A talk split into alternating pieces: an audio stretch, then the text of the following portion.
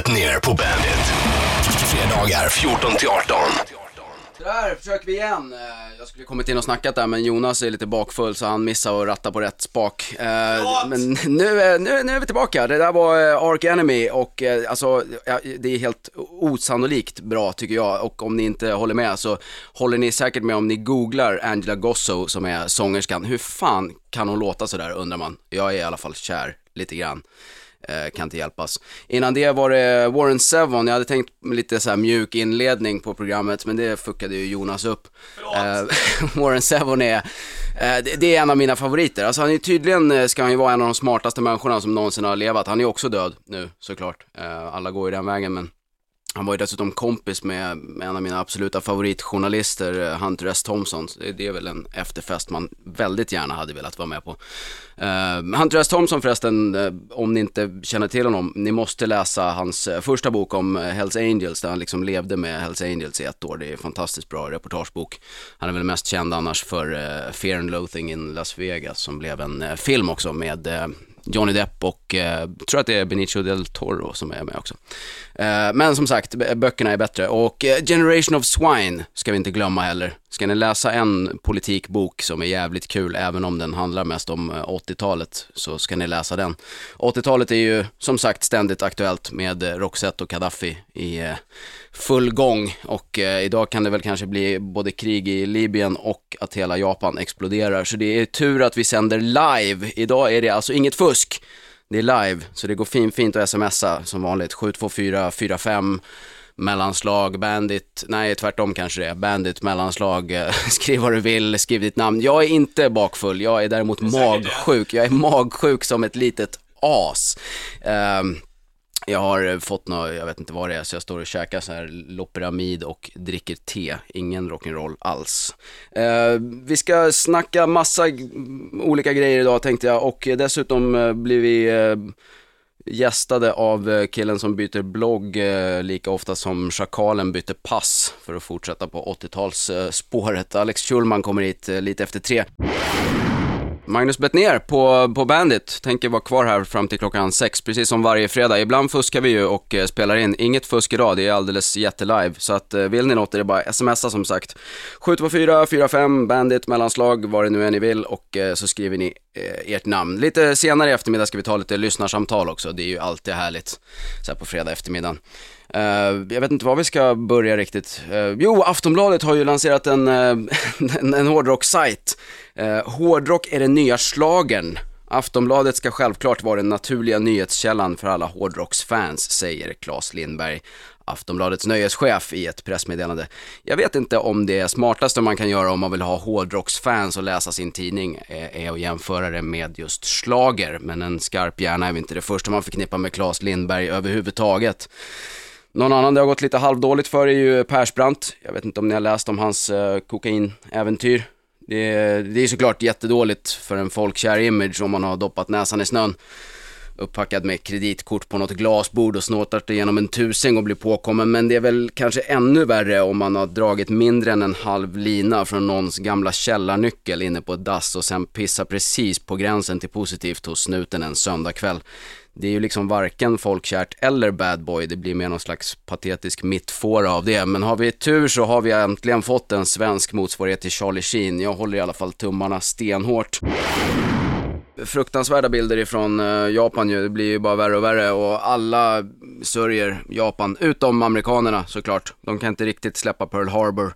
Eh, det är helt enorma tweets man kan gå in och läsa. Det var någon som kallar sig för Richard Madrid. Han har skrivit eh, “Remember Pearl Harbor, Go Tsunami Go” eller Manny DeLeo som skriver “Japan, you remember Pearl Harbor, ain't karma a bitch”.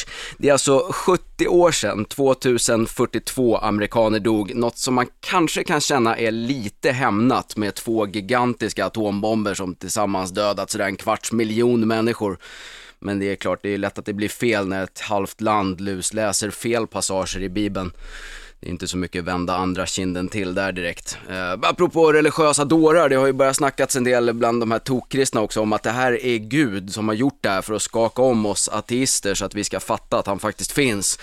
Eh, jag tycker det känns som ett halvdåligt sätt, sådär. Även om han nu skulle finnas så är det ju inte så att jag skulle ha någon lust att vara på samma sida som en gud som fixar en jordbävning där det finns 55 kärnreaktorer. Det var bättre förr kan jag känna, när religiösa bara skyllde på Satan så fort det hände något. Inte komma på med liksom, teorier om att det är jag som behöver skakas om.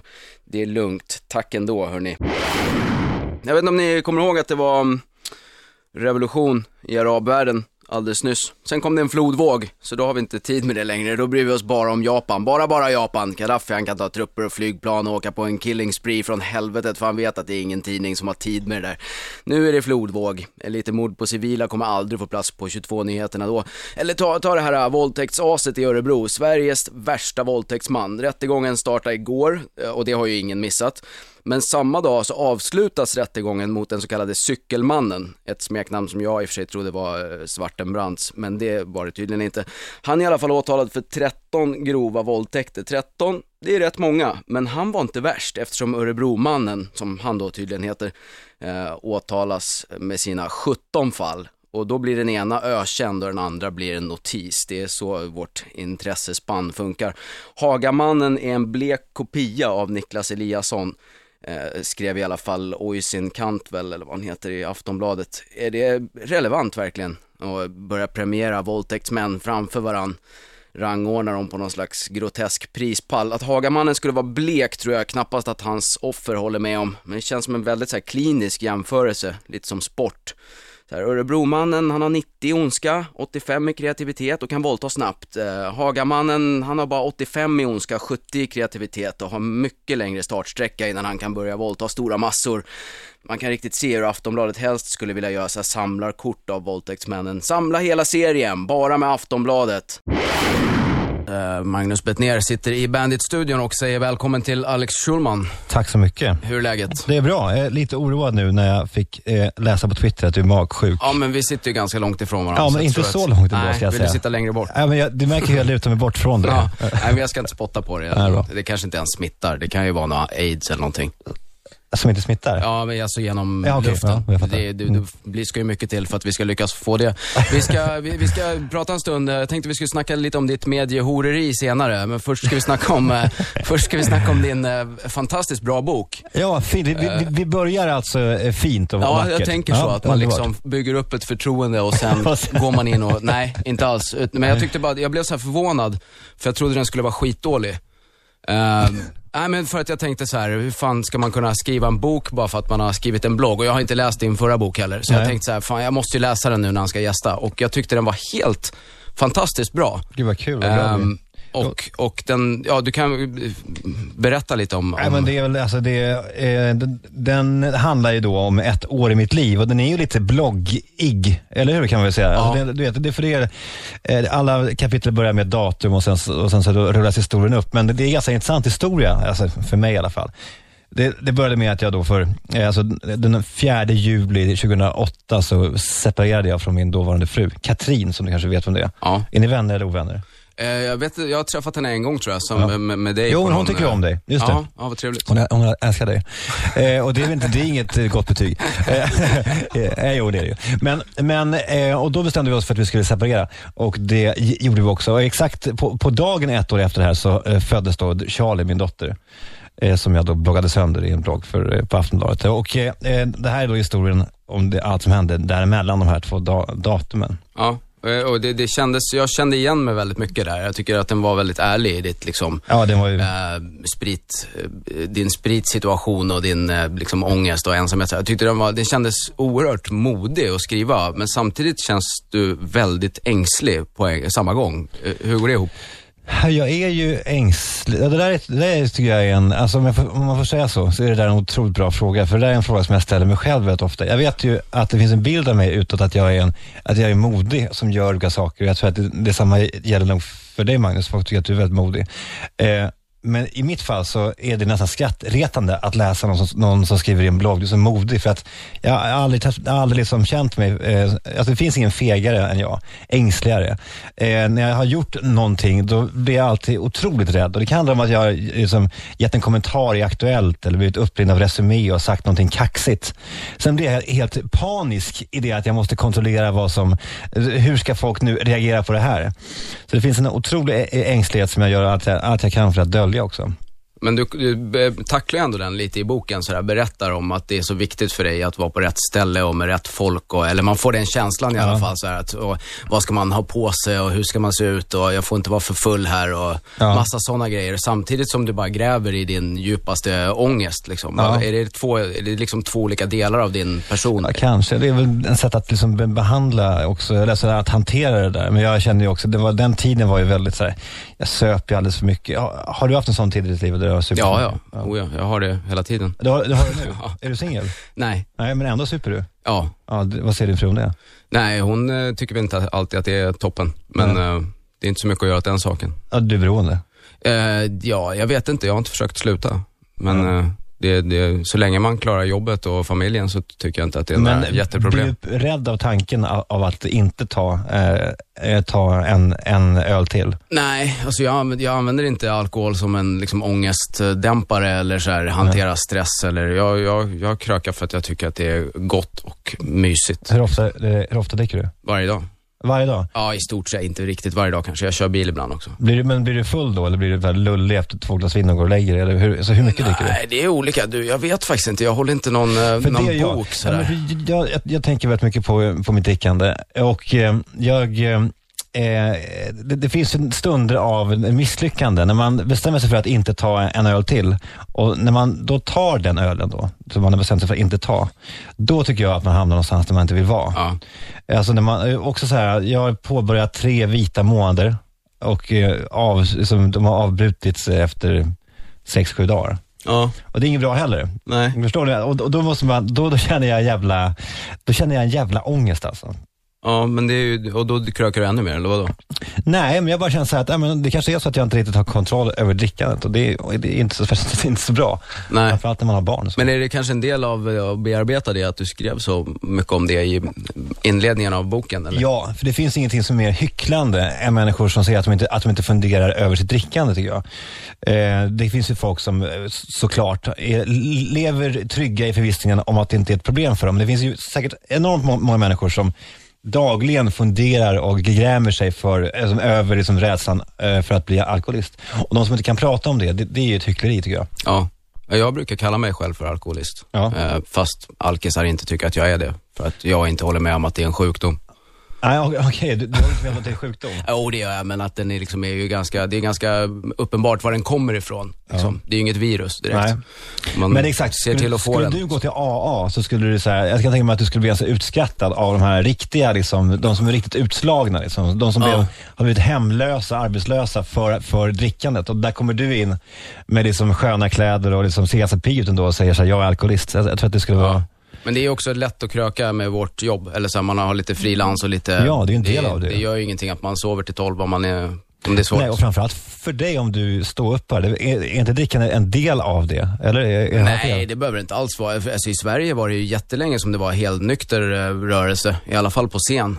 det var väldigt sådär ajabaja och dricka en öl på scen när jag började med stand-up mm. eh, 98 där. Nu har det väl spårat ur. Nu, nu dricker väl alla Vem är fullast, vem är fullaste ståupparen i Sverige? Du, jag har faktiskt ingen aning. Det är väl Wahlbeck kanske. Han dricker på? Uh, ja, uh, fast det var länge sedan jag såg honom alltså. Vi ska snart uh, snacka lite mer om din bok, men vi måste dra en låt också här. den här låten är faktiskt lite så här halvcentral i din bok. Här kommer Journey med Don't Stop Believing. Jag sitter och pratar med eh, Alex Schulman och han pratar lite om, eh, vi pratar om hans bok som heter eh, Att vara med henne är som att springa upp för en sommaräng utan att bli det minsta trött. Varför en så lång titel? Nej, jag vet inte. Jag ville ha den. Jag tycker den är, jag tycker den är en fin strof. Den är inte min heller. Den är Thomas Tranström, den här poeten som skrev det någon gång. Jag tyckte det var så fint. Sen har det också en, en förklaring i, i, i boken. Det var nämligen så att vid något tillfälle så sa jag det här till Amanda att vara med dig, bla bla bla. Och då, då sa hon att det var det finaste jag någonsin hört. Och då angav jag inte källa eh, på detta. och tog då kredit för Thomas Tranströmers eh, strof. Eh, och sen så kom hon på mig genom att hon hittade den, den här diktboken och började läsa i den. Och så upptäckte hon att, det var, att jag var en bluff.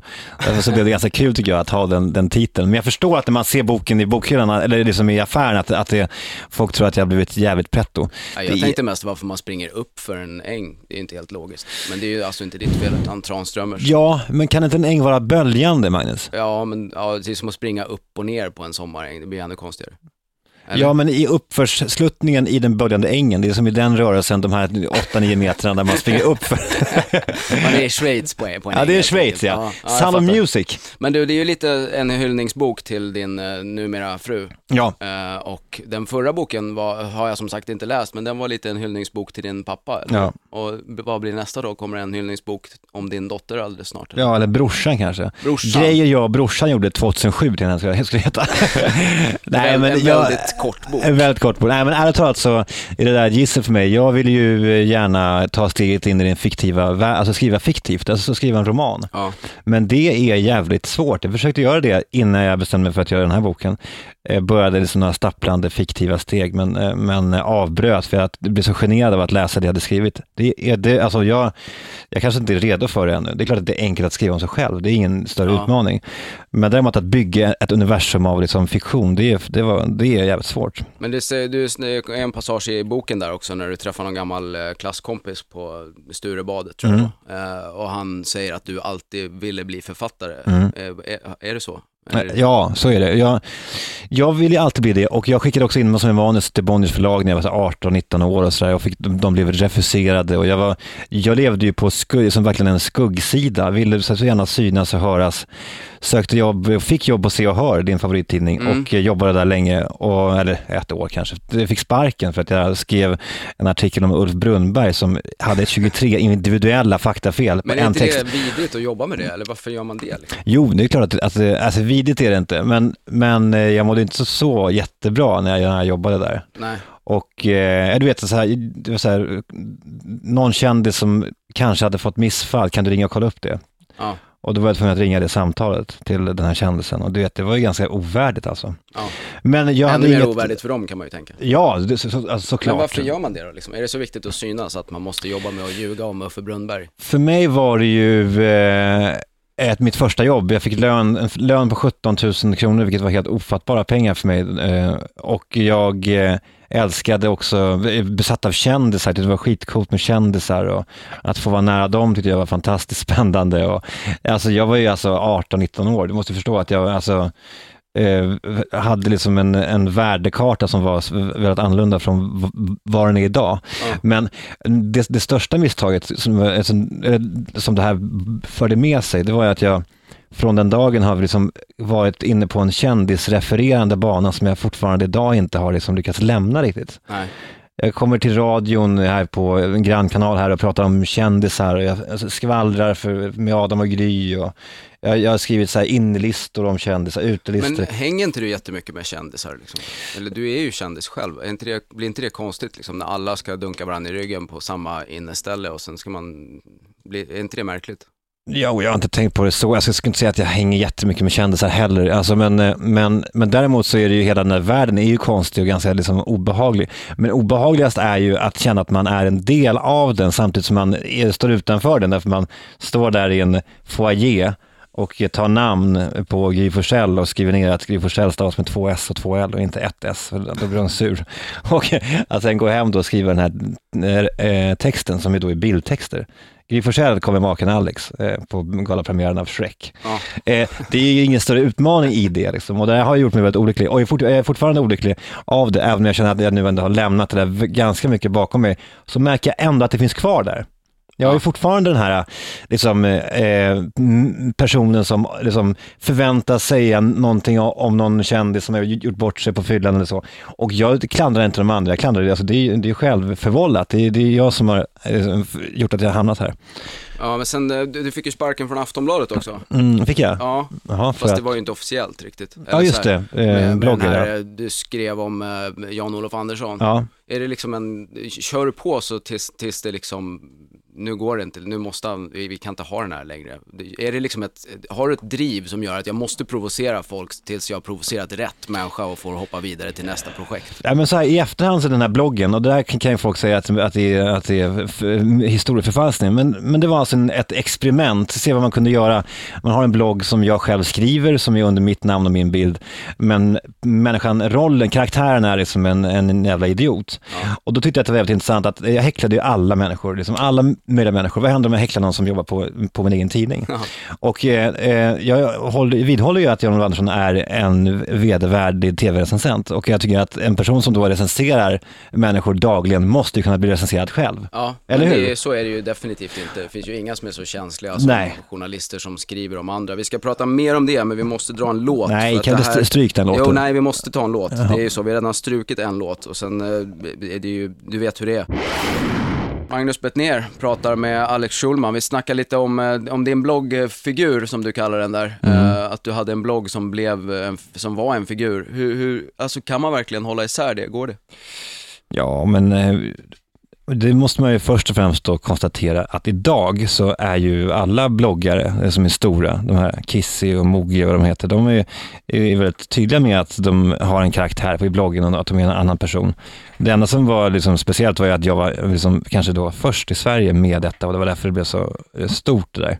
Men det är ju svårt att hålla isär och för mig så funkade ju inte det riktigt det. Jag började den här bloggen som en underground-blogg på Stureplan.se, en sajt som du har som favorit såg jag Ja, på din du, dator. du var chefredaktör för dem Ja. då va, eller? Ja. Eh, exakt, och där började jag blogga och då var det ju liksom en liten blogg och då kunde jag ju liksom häckla liksom samtiden rätt bra och, och det funkade. Sen blev bloggen så extremt stor. I perspektiv ska man säga att jag hade Sveriges största blogg och den som var näst störst var, hade en femtedel av mina Eh, av, av, av mina besökare. Så det Det var, var ju, din brorsa. Ja, det var min brorsa ja. och tre var, var, var min fru. Det är faktiskt eh, sant. Eh, och där då, när man stod på en sån plattform, hur man än slog så slog man neråt. Ja, Och, då, och det går inte. Då blir det obehagligt och, och fel. så det var det du tyckte var problemet? Nej, det var det jag inte upptäckte. slå- Nej, okej. Det var det, det, var det jag märkte aldrig liksom, när bloggen blev, blev så stor att jag började slå neråt hur jag än, sl- än slog. Jag fortsatte slå. Då, blev det, då hamnade jag i ett landskap där jag, liksom, där jag hade en blogg som inte var, det var, det var ingen härlig alls. Nej.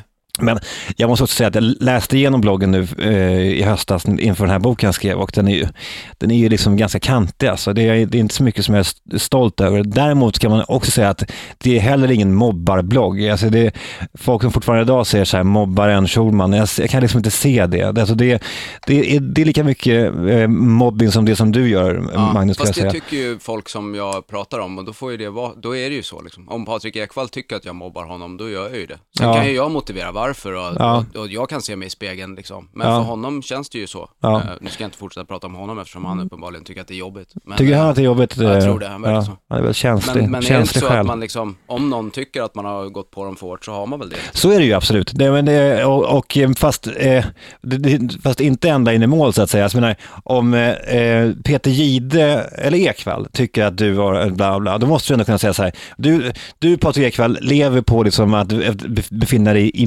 medierna. I, i, I de medierna måste du också kunna acceptera att bli hyllad och sågad. Och, eh, alltså, så länge du inte liksom, eh, gör någonting som är över gränsen så tycker jag att du har all rätt att, att göra det och det borde också Ja, jo, Ekvall men jag tycker acceptera. det och du tycker det, men, men de som blir utsatta verkar ju inte alltid tycka det. Liksom. I det perspektivet kan du inte tycka liksom att du någonstans, för du har ju uttalat dig ganska hårt om, nä, negativt om näthatet, liksom, Ja. det nya modeordet. Ja. Eh, kan du inte känna något ansvar där, att du liksom lite sparkade igång den vågen, att folk inte kan hålla isär liksom? Ja, kanske. Skillnaden är, är ju dock att jag aldrig sagt ett ont ord om någon utan att berätta att det här är jag, Alex, som tycker det. det. Och eh, det, det, det är så otroligt fegt att inte stå för åsikterna. Alltså det, det, är det, som är, själva- det är det som är bekymret med det, det näthatet, att, att det är anonymt ju. Ja. Det är Så fruktansvärt. det, det är det du har problem med? Ja, för att, det, för att det är underbart med folk som i alla fall kan säga, att- säga vad de tycker om saker och ting. Men, men, eh, men på ett annat plan så kan jag ju förstå, alltså kan jag ju verkligen hå- hå- hålla med om att jag startade upp en trend som, som, som öppnade för mer cynism i eh, liksom på nätet. Ja. Men det jag ville bara helt kort vända mig emot är det här med att folk som inte ens har läst den här bloggen, eller folk som inte har hört dig stå uppa, säger att det är den där, det är den där han som hade en mobbarblogg, och då är det så här, det, är bara något som han, som han eller hon fångar upp från liksom någon typ av Ja, mediebrus. men det var det vi pratade om i pausen här som inte lyssnarna fick höra. Vi snackade lite om att det är så lätt att eh, kvällspressen framförallt, men även andra, annan media, att man får just en sån här stämpel av någon någonstans som är, kan vara helt felaktig Ja. dessutom. Sen lever den vidare ändå Det gör den ju. Och den kommer man aldrig bli av med. Liksom. Nej. Det, det, det är en sån, du kommer ju få vara mobbaren. Ja, det kommer, ja, inte, liksom. ett bra tag till i, i alla fall. Men jag tror, jag tror att man kan jobba på, jag måste bara fråga, din t-shirt, knullkungen står det på din t-shirt och så har du en bild på kungen. Ja, visst är den fin? Det är ju mobbing tycker jag. Tycker du det? Men det, där kan vi ju snacka om att sparka uppåt. Ja, det kan man finns göra. väl ingen man kan sparka mer uppåt på än kungen. Nej, och den är också lite, Han lite lätt sitter ju rätt säker där med Lite sin- lätt idoliserande också den här t-shirten. Det, det skulle kunna vara så att du älskar eh, kungen för att han är en skön knullkung. Liksom. Ja, absolut. Jag gillar att han knullar runt. Ja. Gör inte du? Jo, jag tycker det är skönt. Det tycker jag är skitbra. Magnus Bettner pratar fortfarande med Alex Schulman. Du har ett eh, tv-program, eller vad ska man säga, på, på Aftonbladet. Ja. Eh, Vad är ditt problem med Aftonbladet egentligen? Ja, Allt. Ja. Ska, vi dra, ska vi dra hela den långa... Då får du stryka en del låtar tror jag här. Ja, nej, jag, har så, nej, jag har så jättemycket problem med Aftonbladet, eller kvällspressen överlag. Mm. Liksom. Det, är, det är många, många saker som... Ja, där är vi in. helt eh, olika du och jag. Jag är väldigt stolt över att jobba på Aftonbladet. Ja, men du är också lite mer av en mediahora än vad jag är. Du, Eh. du gillar ju så här singing bee och sånt. Du, Ja. du vill ju liksom göra det. Ja. Se mig, Ja. jag finns. Jag, jag, jag, jag, jag trivs där. Ja, jag fattar det. Men nu är det, nu är det talkshow. Det är ju talkshow. Ja, jag har en eh, talkshow på eh, Aftonbladet som heter Schumann Show som är väldigt rolig, rolig att göra. Som Mm. Reinfeldt inte ville komma på för att du har kommit ut som sosse. Ja, inte det? nej, det är ju Väldigt, helt eh, eh, makabert. Ja, det är helt patetiskt. Det är som att han inte skulle bli, bli intervjuad av Aftonbladet för att det är en, eh, en vänstertidning. Eller att han, ja, alltså han blir, han blir väldigt begränsad då om man bara vill eh, bli intervjuad av människor som håller med honom. Det finns ganska mycket diktator över det. Någonting som är Ja. väldigt oroande tycker jag. Men varför kom du ut som sosse då? Har du alltid varit det? Eller alltid liksom, varit det och så kände jag så här, vad fan. Alltså, Måste berätta om det här. Ja, jag ville göra det.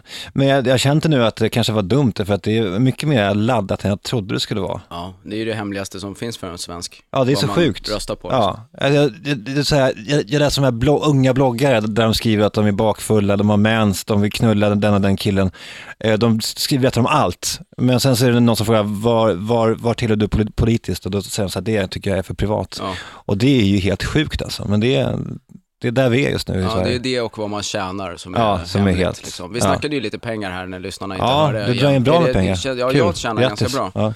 Ja. Eh, men, men det stod också i din bok där att det, det har blivit, att du tänker mer på pengar sen du fick familj. Så är det ju. Så Tänker som Det- fan på pengar. Blir det inte svårt att hålla någon slags integritet då om man liksom horar runt överallt för att tjäna deg? Mm, jo, så är det ju, men eh, jag tycker ändå att det går ganska bra just nu i just på den biten. Det är rätt bra att skriva de här böckerna har jag märkt. Det, är så här, man tänker inte på att, eh, att de pengarna ska ge pengar och så blir det något datum, så här, utdelningsdatum och så får man massor med pengar på banken. Ja, jag är svinrik just nu. Och, Och ändå har du ingenstans att bo. Nej, ändå har jag ingenstans att bo, så om ni, om ni har någon, någon, någon villa någonstans som står tom så är jag öppen för förslag. Ja men det låter skitbra. Du, Ja. eh, jättestort tack för att du kom hit. Tack, det var en ära. Duktig du är Magnus, det är kul att, att det här programmet funkar. Hoppas det fortsätter året ut. Tack, vi hoppas på det. Snackade precis med Alex Schulman, för er som missade det så går det att lyssna i efterhand på bandit.se och eh, det kommer också en podcast med eh, allt snack, ingen eh, musik. Så vill man ha musik då lyssnar man på hemsidan, vill man inte ha musik så laddar man ner en podcast, kommer upp i kväll. Det går också att smsa, eh, som vi sa, 72445, skriver eh, bandit mellanslag, vad det är du vill och ditt namn. Har fått ett sms här ifrån eh, Pellefärde Asshole som eh, har haft lite otur med eh, sin, sitt namn. Eh, han säger i alla fall, tja igen, läser ni lyssnarnas sms eller tar ni bara betalt för dem? Hör aldrig några kommentarer ifrån lyssnare. Nej, Pellefärdig Asshole. Det kan väl vara för att de just smsar in sån skit som du gjorde. Det är inte mycket att snacka om. Men har ni något vettigare att snacka om så smsa in det så snackar vi. Lite senare i eftermiddag ska vi ta lite lyssnarsamtal också. Tänkte tajma in det sådär vid femsnåret när ni som har riktiga jobb är på väg hem, sitter i bilen och har tråkigt. Ehm, sen ska vi prata lite mera Sverigedemokrater tror jag, lite Japan och just det, sen var det ju den här ah, otrohetssajten, jag vet inte om ni hörde om den, eh, Victoria Milan heter den. där, där har gränsen nåtts nu, i alla fall för Elisabeth Sandlund som är eh, opinionsredaktör på den högerkristna tidningen Dagen. Ingen jätteöverraskning kanske, men hon ryter i alla fall till mot den här sajten i en ledare där hon skriver eh, vad finns att göra i avvaktan på att Victoria Milan och efterföljare på väg in på den svenska marknaden går i putten alldeles av sig själva? Att uppmana dagenläsarna till bojkott av dess tjänster är en överloppsgärning, men det går att protestera genom anmälningar till reklamombudsmannen och genom att ge sitt missnöje till känna hos de tv-kanaler som väljer att sända sajtens reklamfilmer. Också i det fallet handlar det om snödd vinning, ingenting annat. Det är alltså en överloppsgärning att uppmana kristna att inte begå hor. Elisabeth Sandlund verkar trots sitt yrke inte har plåtkoll på vad den kristna rörelsen gör när nattvarden är slut. Det är ju alltid någon högerkristen politiker som hittas död bakbunden med en apelsin i käften efter någon avancerad strypsexlek. Jag vet inte exakt varför hon lackar ur på just den här datingsajten. vad är skillnaden mot alla andra datingsajter? 90% av alla som hänger på Match.com och allt vad de heter, de är väl gifta och 20 år äldre än vad de låtsas vara i sin profil. Eh, Kent Ekroth, eh, Sverigedemokraten, han eh, har gått ut och analyserat eh, eh, Japans naturkatastrof lite grann på Twitter, där allt händer. Eh, naturkatastrof i New Orleans och Haiti ledde till plundring och våld. I Japan går allt lugnt och städat till. Gissa varför? undrar han. Jag vet inte om någon ska tänka, han har rätt! Det är tack vare shintoismen, där rening är ett viktigt begrepp. Eh, det är inte bara långsökt, eh, det är väl direkt illasinnat också att komma med det direkt efter att ett gäng städer har sopats ner i sjön. Men han fortsätter med en förklaring till varför. Han menar att det är för att Japan är ett välfungerande samhälle, byggt kring en välfärdsstat baserad på gemenskap. Till skillnad från USA då, får man ju förmoda, eller ska vi säga USAs svarta delar, där han förmodligen tycker att avskaffandet av slaveriet kanske var lite förhastat.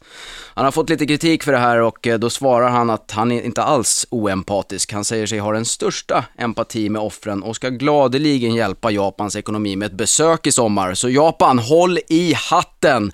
I sommar skickar Sverige en rasist på kollo. Han kommer komma till er, gå på restaurang, kanske något litet disco och på så sätt dra er ur den här svåra situationen. Så att håll ut bara, Sverigedemokraterna är på gång.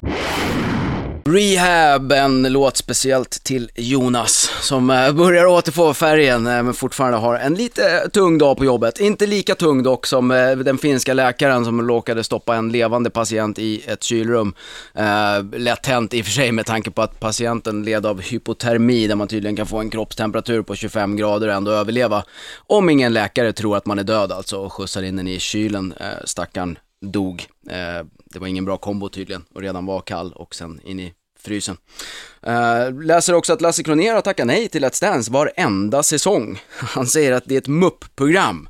Det är alltså Janne Loffe Karlsson utan hår som tycker att det är ett mupp-program. Det är det ju såklart, men uh, ska man verkligen kasta den stenen samma vecka som man drar igång som programledare för Vem är smartare än en femteklassare? Jag undrar.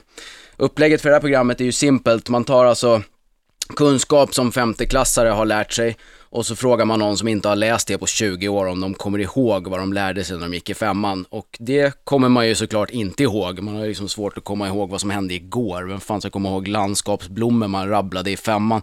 Men rabbla är väl lite nyckelordet också. Det är ju femteklassares grej. De har väl rätt svårt att sätta information i ett sammanhang eller dra någon slutsats, lärdom av det. Sånt där som man lär sig lite senare. Lasse Kroner passar väl rätt perfekt som programledare för det. Han har ju ändå haft ett helt liv på sig att dra lärdomen att sluta vara en god göteborgare, men han har inte lyckats med det. Så att vi önskar lycka till med det programmet. Svenska miljörörelsen har ju fått ny, nytt vatten på sin kvarn här nu när det gäller kärnkraften efter Japans eh, lilla oflyt det är lite haltande jämförelse kan jag tycka, att Japan får problem med sina efter att en stor jävla våg har blåst sönder allting efter en jättejordbävning och så går miljöfolk i Sverige ut och säger att kärnkraften i Sverige måste vi tänka till om, den är kanske inte helt säker. Man kan ju inte tänka på allt. Nej, det är helt rätt, man kan inte tänka på allt, ibland kan det gå fel. Ska man säkra sig mot att inget kan hända någonsin, då kan man ju heller inte göra någonting överhuvudtaget. Gå inte utomhus, tänd inte lampan, gå inte över gatan, åk inte skridskor, ät helst inte så kan du liksom riskera att sätta något i halsen. Det kanske är så vi ska göra ändå, vi skjuter alla barn direkt efter födseln så att de inte riskerar att något hemskt händer det är ju den här svenska jävla trygghetsnarkomanin. Alltså UD gick ju först ut och sa att man kunde åka till Japan. Eh, det vet jag inte hur de fick till, men de gjorde det i alla fall. Sen sa de att man kanske skulle vänta lite och bara åka om man var verkligen sådär sugen. Eh, och i torsdags så gick de i alla fall ut och sa att eh, det är kanske en dålig idé att åka till ett land där kärnkraftverken kokar. Eh, jag vet inte exakt vem som behöver UD för att berätta det här för en. Hmm, den här lilla orten vi hade tänkt att åka till för att spana in kimonos och samurajsvärd, den ligger under vatten. Ska vi verkligen eh, låta en sån liten grej förstöra semesterresan? Hur, eh, vad säger UD om det här? Jag vet inte om man behöver en myndighet som berättar eh, om man kan åka till Japan när det har varit i varenda tidning i hela världen att det är en dum idé, då kanske man inte borde få ett pass överhuvudtaget. Många som har frågat så här, kan du inte lägga upp en spellista och dylikt? Det kan jag såklart, det har jag redan gjort. Finns på www.magnusbetner.com, där kan man gå in och kolla vad det spelas för låtar och man kan också kolla vad jag har för mig. Kväll är det Rå tror jag och imorgon är det, eller tror jag vet att det är det, imorgon är det Kalmar. Så att bor ni i Kalmar då kan ni komma och titta på mig. Nu gör jag lite reklam för mig själv här så jag får dra av det sen på fakturan till eh, Bandit. Nej det är så, fin, finns inte i Småland. Så att, men ni, ni har ju internet i Småland, så jag förmodar att det sitter massa folk där och bara smsar in, som någon anonym har gjort här och undrar eh, varför jag pratar så lite sex. Prata mer sex och vill du ligga? Och det vill man ju naturligtvis, men jag brukar göra det med min flickvän när det är så dags. Tänkte att ni skulle få ringa in, snacka lite. 0200 25 25 10. 0200 25 25 10. Om ni har någonting på hjärtat. Sådär, nu kan ni ringa in 0200 25 25 10. Den här härliga punkten när vi pratar med lyssnarna. 0200 25 25 10. Ring, ring, ring. Moderaterna, de har ju varit nya nu eh, ett bra tag. De har ju varit nya så länge att man inte pratar om nya Moderaterna längre utan bara Moderaterna. Men då och då, då lyser ju de här gamla Moderaterna igenom. Alltså inte Gunnar Hökmark, Moderaterna som vill liberalisera ekonomin och sänka skatter, utan de här jättegamla 30-talsmoderaterna. En sån är Charlotte Wachtmeister som har gått ut och funderat lite grann kring samhällskostnaderna. Hon har skrivit eh, att kostnaderna för barn med särskilda behov ökar beror bland annat på att det inte längre finns tvångssteriliseringar. Oa! Var det där Moderaterna verkligen? Alltså jag kan känna att om Sverigedemokraterna vill hålla greppet om Sveriges nazister i väljarkåren så får de nog fan steppa upp sitt game lite grann när Moderaterna kommer med sånt där. Om det åtminstone hade varit Centern hade man ju förstått det, menar jag. Ska vi se om vi har någon som vill snacka? Hallå? Ja, tjena. Tjena, vem pratar jag med? Kalle heter jag. Kalle, hej, hur är läget? Det är bra, hur är det själv? Det är skitbra. Magsjukan Ja, börjar släppa. Så det, det Ja, jag har precis eh, blivit fått halsen och grejer. Jaha, Det är sista rösten man har kvar då. Ja, får ta en, eh, ta en halstablett. Vad hade du på, på hjärtat? Nej, men bara tacka för ett jävligt bra program. Jaha, vad Eh, kul. Tack. Jag diggar det hårt. Ja, snyggt. Det, det tackar vi för. Du, då, då tackar vi för det och så hoppas vi att halsen blir bättre. Ska vi se om vi har något mer på, på Får man linjen. eh, önska en låt? Det får man göra, men jag kommer inte spela den. Vad skulle du vilja Ja, höra? Avenged Sevenfold. Jaha, nej, det kommer, det kommer senare på Bandit, jag lovar. Uh, vad häng, häng, häng kvar ett par timmar så kommer den. Det fixar vi. Tack för att du ringde. Ha det bra du. Tjena. Hej. Hallå, har vi någon mer som vill snacka? Ja, tjena! Tja, vem är du? Alexander heter jag. Hej Alexander. Jag berättade min kompis fixade ett telefonsamtal nyss. Vad gör du? Eh, ja, jag sitter och sänder radio, vad gör du? Ja, det var en dum fråga. Eh, ja, nej, jag chillar rundor. Jaha, det låter ju fantastiskt. Det känns inte som att du ville något. Ville du det? Eh, jo, det vill jag. Jaha, vad ville du då? Ja, alltså jag har varit så nyfiken på... Eh, det finns vissa saker man inte får säga, Ja, typ. Ja. som... Eh, ja, det finns mycket saker man inte får säga. Men eh, jag Men- tänkte, vad får du inte säga? Nej, ingenting. Jag får säga vad fan jag vill. Vad då då?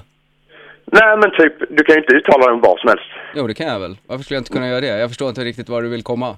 Nej, men du skulle ju inte kunna, kunna till exempel typ kritisera, eh, vad ska man säga, typ en reklam som har gått på radion till exempel. Jo, där det du är jobbar. klart jag kan göra det, men jag lyssnar inte på reklamen. Jag är röker då, så jag har ingen aning vad det är för något som snurrar när jag inte sitter här. Ja, okej. Ja, ja. Så Nej. det, det är nog lugnt. Ja, men du, du, du, du är missnöjd? Du tycker att jag ska liksom... Ja, eh, jag, jag vill ju ha ett annat svar. ja, men det fick du inte. Så att nu tar vi nästa lyssnare. Tack för att du ringde. Okej, tja. Hej. Hallå! Ja, hallå? Vem är du? Johanna heter jag. Hej Johanna. Hej. Jag skulle vilja önska en låt om jag får det. Ja, gör det, men jag kommer inte spela den heller. Nej. Vad, vad, vad, vad skulle du vilja höra? Men jag skulle bara höra något med ACDC om det gick bra. Ja, men det var ju nyss. Ja, Vad men fan har du inte bra, radion känner- på? Det är, det är fem minuter sedan det var ACDC. Vad är det här? Ja, men det är så bra. Det är rock liksom. Ja, det det är rock. funkar. Det var ju därför jag spelade den alldeles precis nyss. Du får ju för fan önska någonting som det i alla fall var någon timme sedan det gick. Jag önskar något precis vad jag vill då. Ja, önska vad du vill. Ja, då vill jag önska So Halo då. Ja, då ska vi se vad vi kan göra åt det. Men det är jätteschysst att du ringde. Ha det bra. Ja, tack så mycket. Hej. Hej. Här kommer en helt annan låt, nämligen uh, Cocaine med Eric Clapton. Magnus Bettner kvar en stund till, fram till klockan sex. Sen eh, ska jag lämna över till någon som jag ska kolla upp vem det är. Det är Jonas som ska in och bakfylleköra lite granna för er på, på Bandit efter klockan sex. Men jag är kvar, som sagt, ett tag. Eh, världens dyraste hund har ju köpts. Jag vet inte om ni har hängt med på, på, på de viktiga händelserna i världen. Eh, 10 miljoner spänn är det någon rik gubbe i Kina som har gett för en hundvalp. Det är tydligen en tibetansk mastiff. Jag vet inte om de har korsat en vanlig mastiff med Dalai Lama eller hur de har gjort. Fått någon sån här kamphund som tänder rökelse och skriver böcker om kosmos. Slåss inte grabbar, jag har varit där men nu har jag kommit till insikt. I Kina i alla fall, en tibetansk mastiff, det är en statussymbol för nyrika. Eh, lite som en chihuahua här i Sverige alltså. Eh, jag känner ju så här lite oro för en så extremt dyr hund. Alltså tänk om just den hunden drabbas av allergi eller den här dvärgbandmasken, vilken katastrof. Förstå hur bortskämd den där jävla hunden kommer att bli. Jag vet inte om det är, det finns ju någon slags regel som säger att människor är värda mer än djur, men jag vet inte fan om det finns människor man skulle vilja köpa för 10 miljoner ens. Det är ju helt stört alltså. Men han kommer nog att trivas sitta där i knät på någon rik gubbe som runkar av honom så att han får lite ny värdefull sperma och kan skapa ny, nya små munkhundar. Tror att det kan bli kul. Fade to Black med Metallica som jag spelar för eh, David, vars pengar jag snodde på pokerbordet på kasinot i eh, veckan med ett ganska dåligt spel. Han önskade den här låten som plåster på såren, så absolut, det är ju det minsta man kan göra. Um, programmet börjar ju lida lite mot sin, sitt slut, det är inte eh, slut än riktigt, men uh, som vanligt har jag haft hjälp, uh, fantastiskt, av Jonas som har rattat tekniken, uh, Helena Sanklev och Fredrik Kronman har hjälpt till med lite research och uh, ni har ju både lyssnat och smsat och hjälpt till. Ni också. Eh, fått fler sms om eh, det, att det ska snackas mera sex, jag måste snacka mera sex. Och såklart, jag gör som mina lyssnare vill. Nästa vecka, då ska det jävlar snackas sex. För att då kommer det hit en tjej som jobbar faktiskt med det. Hon är eskort tjej. Så att då, det ska bli väldigt spännande att höra vad hon har att säga om eh, sitt jobb och sexköpslagen och lite annat. Så att eh, ratta in nästa vecka och varenda fredag 14 till 18. För er som eventuellt har missat dagens så finns det alltså på bandit.se som eh, on demand och sen kommer det upp som eh, podcast också. Idag har vi ju bland annat snackat med Alex Schulman och eh, lite andra grejer. Eh, just det, 200 ska vi inte glömma. Det är alltså, de har frågat tusen pers i någon jätteundersökning. Eh, det är ju en jätteundersökning när det gäller undersökningar, det brukar ju vara typ 30. Men de har i alla fall frågat tusen pers och hälften vill ha Astrid Lindgren, såklart. Alltså det, det är så jävla förutsägbart och tråkigt. Kan vi inte ha, jag tycker vi ska ha Lisbeth Palme på ena sidan och Christer Pettersson på andra sidan. Det skulle vara en roligare 200 Eller, eller kanske ännu bättre, en bild på Jonas Bergström där han står och smygtittar in bakom slottet med någon sån här pratbubbla, fuck också. Någonting sånt, lite kul. Eller varför ska vi ha en 200 överhuvudtaget? Kan vi inte ha en 199-lapp och en 499-lapp? Så behöver man inga enkronor överhuvudtaget. Det skulle vara mycket bättre. Och sista, sista dagen som vi har en kronor, då har vi inte berättat att vi ska avskaffa dem, utan då går vi ut och berättar att Peter Gide ska få vara på enkronorna, bara som ett bus. Fatta vad han skulle bli glad, liksom en dag, och sen är enkronorna bara borta. Det är mitt förslag. Om jag får jobba på Riksbanken, då ska det bli så. Jonas Bergström på 200 och sen 499 kronors lappar. Ner på Bandit. Varje fredag 14 till 18.